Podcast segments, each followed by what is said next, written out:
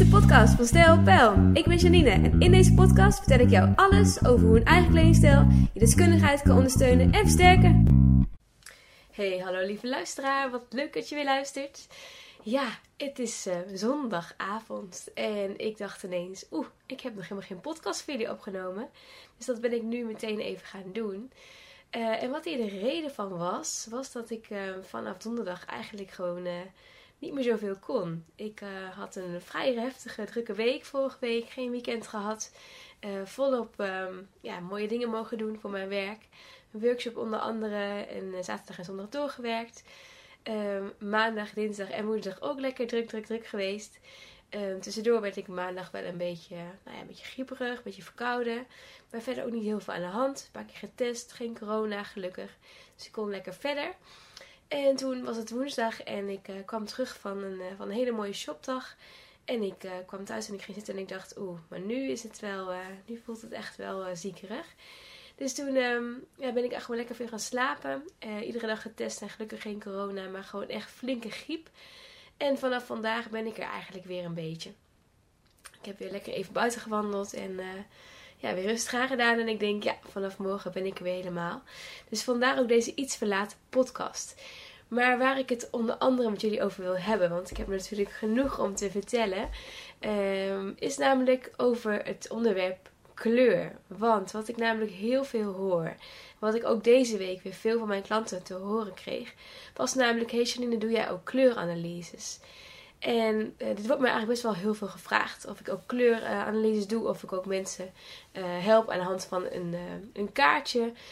in een soort van hokje stop. En dan gaat eigenlijk altijd een beetje mijn haar recht overeind staan. En niet omdat ik je geen kleuranalyse wil geven. maar meer omdat ik niet zo van die hokjes hou. Ik ben zelf al mijn hele leven lang een beetje dwars en anders dan... ik heb altijd een andere kijk op hokjes. En ook in de kleurenanalyse en in de kleurenleer heb ik daarin mijn eigen visie. En in deze podcast dacht ik, hoe mooi is het om jullie daarin mee te nemen. En om jullie wat meer te gaan vertellen over hoe ik tegen kleur aankijk en hoe ik dat op mijn manier doe. Want um, mijn kleurverhaal is eigenlijk een, ja, ik word uh, volgende maand 32, dus dat was ik 16. Dat is best wel een tijdje geleden al dus. En toen was ik 16 en toen kreeg mijn moeder, die kreeg voor mijn verjaardag een heel leuk eh, cadeau, vond ik zelf ook. Ik kreeg namelijk een kleuranalyse.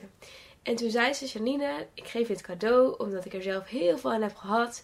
En ze zag mij natuurlijk uh, al in de puberteit een beetje stuntelen met al die kleuren. En dat ik het lastig vond om de juiste kleuren te kiezen. En dat had haar zelf heel erg geholpen. Dus ze nam me mee naar een hele lieve vrouw die mij een kleuranalyse uh, gaf. En wat daar gebeurde, je kunt je wel voorstellen, meisje van 16, hartstikke jong, hartstikke onzeker nog. Um, ja, volop was ik al bezig met kleding. En dat ik dus um, tijdens die analyse mocht ik ten eerste mocht ik geen make-up op. En geen make-up op vond ik best wel heel erg moeilijk. Want ja, ben je nog hartstikke onzeker. Je moet daar make-uploos heen. Het maakte mij nog onzekerder. En ik werd voor een spiegel gezet en er werden mij allemaal kleurdoeken uh, voor gedaan. En weet je, toen had ik nog lange niet zoveel bestand van kleur als nu. Dus uh, die doeken werden mij omgedaan. En ik zag wel uh, onder andere wat mij iets mooier stond en minder mooi stond. Maar uiteindelijk kwam er een kleurkaart uh, kwam daarbij kijken. mij werd ook make-up op gedaan. En nou ja, ik zag zelf ook echt wel dat ze het goed zag. En dat het mooier stond. maar ik werd dus in het hokje herfst geduwd. En nou, er werd eigenlijk van mij verwacht dat ik zo min mogelijk zwart meer ging dragen. En de kleur die ik net zo fijn vond, en zeker als je jong bent, je kunt misschien wel voorstellen dat het gewoon een hele fijne kleur is om te dragen als je jong bent. Uh, die mocht ik dus eigenlijk vrijwel niet meer dragen. Nou, dat vond ik best wel een lastig dingetje. Ik hield me er af en toe aan, maar ook af en toe weer niet. En ik werkte ook nog in een kledingwinkel waar ik voornamelijk bezig was met de trends en de mode-items en uh, alles eromheen, behalve met kleur wat je echt goed staat. Dus ik kwam daar al een beetje in dubio eigenlijk. Nou, uh, in het weekend werkte ik in een modezaak. En door de week ging ik naar school en ik zat op een modelyceum. En ik had dus heel veel te maken met nou ja, trendkleuren. De nieuwe trendkleuren voor het volgende seizoen. Uh, we werden heel veel meegenomen naar beurzen. Dus het was eigenlijk voornamelijk niet kleding die je stond, maar meer van hé, hey, dit is mode, dus dat draag je gewoon. Dat bracht mij al in een soort van tweestrijd. Het werd natuurlijk ouder. Ik uh, ging, uh, was wat langer bezig met de in de winkel. Ik uh, gaf heel veel mensen daarin advies. En ik deed alles altijd heel erg op gevoel. En ik zag in die winkel ook heel veel vrouwen voorbij komen. Ook heel veel vrouwen met een kleurkaartje. En de een die vond het heel erg fijn en die was daar heel erg gehecht. En de ander die kon het wel iets meer loslaten. En ik zag ook regelmatig dat ik kleuren op het kleurenkaartje voorbij zag komen. En dat ik dacht, hmm, ik snap wel dat jou deze kleur mooi staat. Maar ik vind de combinatie daarvan wel heel erg bepalend. En dat ik daar mijn visie af en toe op mocht geven. Als mensen daarvoor open stonden, dan uh, vertelde ik wel eens wat meer over hoe ik dat dan zag. En dat vonden mensen eigenlijk altijd best wel fijn om van mij te horen. In de winkel gaf ik mensen ook eigenlijk altijd heel veel advies op basis van mijn gevoel. Ik deed dingen heel vaak op gevoel. Tuurlijk had ik mijn modeachtergrond en mijn modekennis.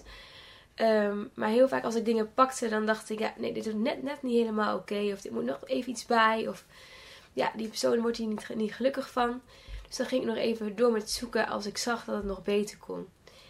En toen werd ik op een gegeven moment 20. En toen uh, zei mijn moeder, ik zou het eigenlijk heel leuk vinden om samen nog een keer zo'n kleuranalyse te doen, Janine. Nou, ik dacht, oké, superleuk. Dus wij uh, op weg naar uh, een winkel die het ook onder andere deed. Dus wij voor, uh, voor de openingstijden van die winkel gingen we daar naartoe. En we hebben mij een kleuranalyse weer gedaan. En toen werd ik getypeerd als lentetype. En toen dacht ik meteen, hmm, oké, de vorige keer was ik herfst. Nu ben ik lente, hoe kan dat dan? En die vrouw zei ook, ja, eigenlijk verander je normaal gesproken niet zo echt heel erg gewoon kleuren. Maar misschien ben je wel vanaf je zestiende iets ouder geworden, is je haarkleur iets veranderd. Uh, heb je misschien een andere kleur, haarkleur geverfd. Heb je misschien iets meer sproeten gekregen of iets minder sproeten. Of je uh, huidskleur is iets veranderd. Nou ja, ik dacht oké, dat zou nog kunnen. Het was allebei de warme types. Nou oké, daar kan ik wat mee. Vervolgens ben ik uh, van allerlei dingen gaan leren, van allerlei dingen gaan doen. En ik bleef in de modewinkel werken. En ik zag op een gegeven moment nou ja, dat ik klanten, uh, nou ja, dat ik dat op gevoel deed, dat het eigenlijk best wel goed afging. En toen dacht ik, hoe mooi is het als ik het ook eigenlijk zelf kan leren aan mensen, welke kleur mensen staan. Dat ik iets meer achtergrondkennis daarvan heb. Dus ik ben uh, dat gaan leren. Ik ben de modeopleiding gaan doen. Ik ben de verdiepende cursussen gaan doen. Ik ben de opleiding tot mode ehm, of kleuranalyses gaan doen. En dat was onder andere de opleiding tot personal shopper. En dan kregen wij dus echt de kennis over kleur. Dus we moesten ook heel veel met modellen aan de slag. We moesten laten zien of we het konden. En ik mocht vertellen hoe ik dingen zag. En deze vrouw liet los dat het in een hokje moest passen. En dat maakte mij al heel gelukkig. Want ik werd meteen um, eigenlijk als voorbeeld gebruikt. Mensen gingen op mij oefenen. En ik werd daar meteen in een soort van um, dubio gestopt. Want mensen zeiden: hey, ze past eigenlijk niet in een hokje. En dat vond ik zo fijn om te horen. Want ja, het klopte. Bepaalde koele kleuren stonden mij mooi. Bepaalde warme kleuren stonden mij mooi. Toen kon ik ook wel zien dat de meeste warme kleuren mij mooier stonden dan de koele kleuren. Maar ik zag eigenlijk vrijwel één ding heel duidelijk. En dat was dat licht mij iets minder mooi stond dan donker. Maar dat als ik in de zomer een lichte ecru aan had, dat het heel erg mooi kon staan. En dat het vooral te maken had met de textuur. Dus welke stofsoort ik aan had, welke stijl het had, of het een iets printje had of niet. Het had met zoveel dingen te maken. En toen werd ik op een, uh, ik denk, want ik heb het heel vaak geleerd namelijk. Ik heb allerlei verschillende methodes ook uh, mogen leren. Dat wou ik ook, omdat ik het zelf heel goed wou zien en kunnen. Dus op een gegeven moment ging ik kleurexpertise doen. En toen werd ik weer voor de spiegel gezet. En toen werd ik eigenlijk in een soort van hokje kleur um, of wintertype gegooid. En toen dacht ik, ho, maar dat hokjesprincipe, volgens mij hoort het niet zo. Volgens mij is dit niet de bedoeling. Dus toen dacht ik, hoe mooi is het dat ik nu, de dingen die ik nu zelf heb geleerd, in een soort van nieuw omhulsel ga gieten. Dus tijdens mijn kleuranalyses uh, leer ik jou veel meer over kleur. Ten eerste wat kleur voor je kan betekenen, wat de kleur met je kan doen, wat de kleur met je omgeving doet, wat de kleur met jou kan doen voor een dag. Dus hoe je hem in kan zetten voor jezelf. En hoe je ook anderen voor je kan laten werken. Of in ieder geval dat je kan, de kleur kan laten uh, helpen in, jou, in jouw dag, zeg maar. Dus ik leer mensen heel veel over kleur. In mijn klanten, ik leer mijn klanten dingen over kleur, maar ook uh, ik ga met ze in gesprek over van alles en nog wat. Want kleur is namelijk nog maar een klein onderdeel van uh, wat ik bij mensen doe. Ik vind namelijk eerst heel belangrijk dat, mensen, dat ik mensen leer kennen. Wie ben je? Waar sta je voor? Wat vind je belangrijk in het leven? Waar, waarvan kleuren hou je van? Want wat mij was overkomen toen ik 16 was, dat ik zwart niet meer mocht dragen, dat wou ik echt niemand aandoen. Want ik vond zwart zo veilig, zo fijn. En ik mocht het eigenlijk amper meer dragen. En ik werd er echt heel ongelukkig van.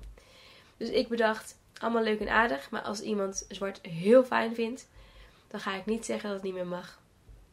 Dan mag je hem van mij gewoon lekker dragen. Maar dan gaan we gewoon kijken hoe je hem beter kan combineren. Of dat je het in ieder geval wat vriendelijker over kan laten komen. Dus dat doe ik dus ook tijdens mijn adviezen. Ik kijk naar jou en ik kijk naar welke kleuren jij mooi vindt. En ik kijk ook samen van, hey, hoe gaan we dat nou op een andere manier toepassen? Zodat jij gewoon alle kleuren kan dragen. Maar wel op een manier die bij jou past. Die bij jouw persoonlijkheid past. Die bij jou als persoon past. Bij je uiterlijke kenmerken. En natuurlijk is dat heel belangrijk dat het ook aan de buitenkant mooi mag staan. Maar ik vind het ook belangrijk dat een kleur goed moet voelen. En al deze dingen neem ik mee tijdens een kleuradvies.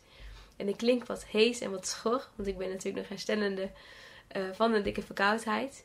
Maar ik vond het wel belangrijk om, om dit op die zondagavond, het is vandaag uh, ehm, 20 maart, even met jou te delen. Want uh, iedereen doet op zijn eigen manier en ik vind het allemaal helemaal oké hoe mensen het doen. Maar mijn manier van kleuranalyses ehm, vind ik zelf gewoon heel fijn. Omdat ik zelf heb ervaren dat ik dus uh, liever niet in een hokje wil worden gestopt.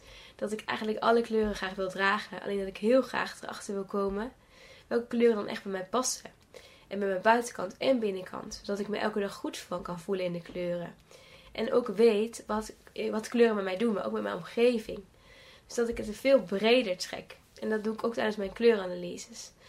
Want ik kan ook heel veel uit de kleuren halen. Hoe jij bent als mens.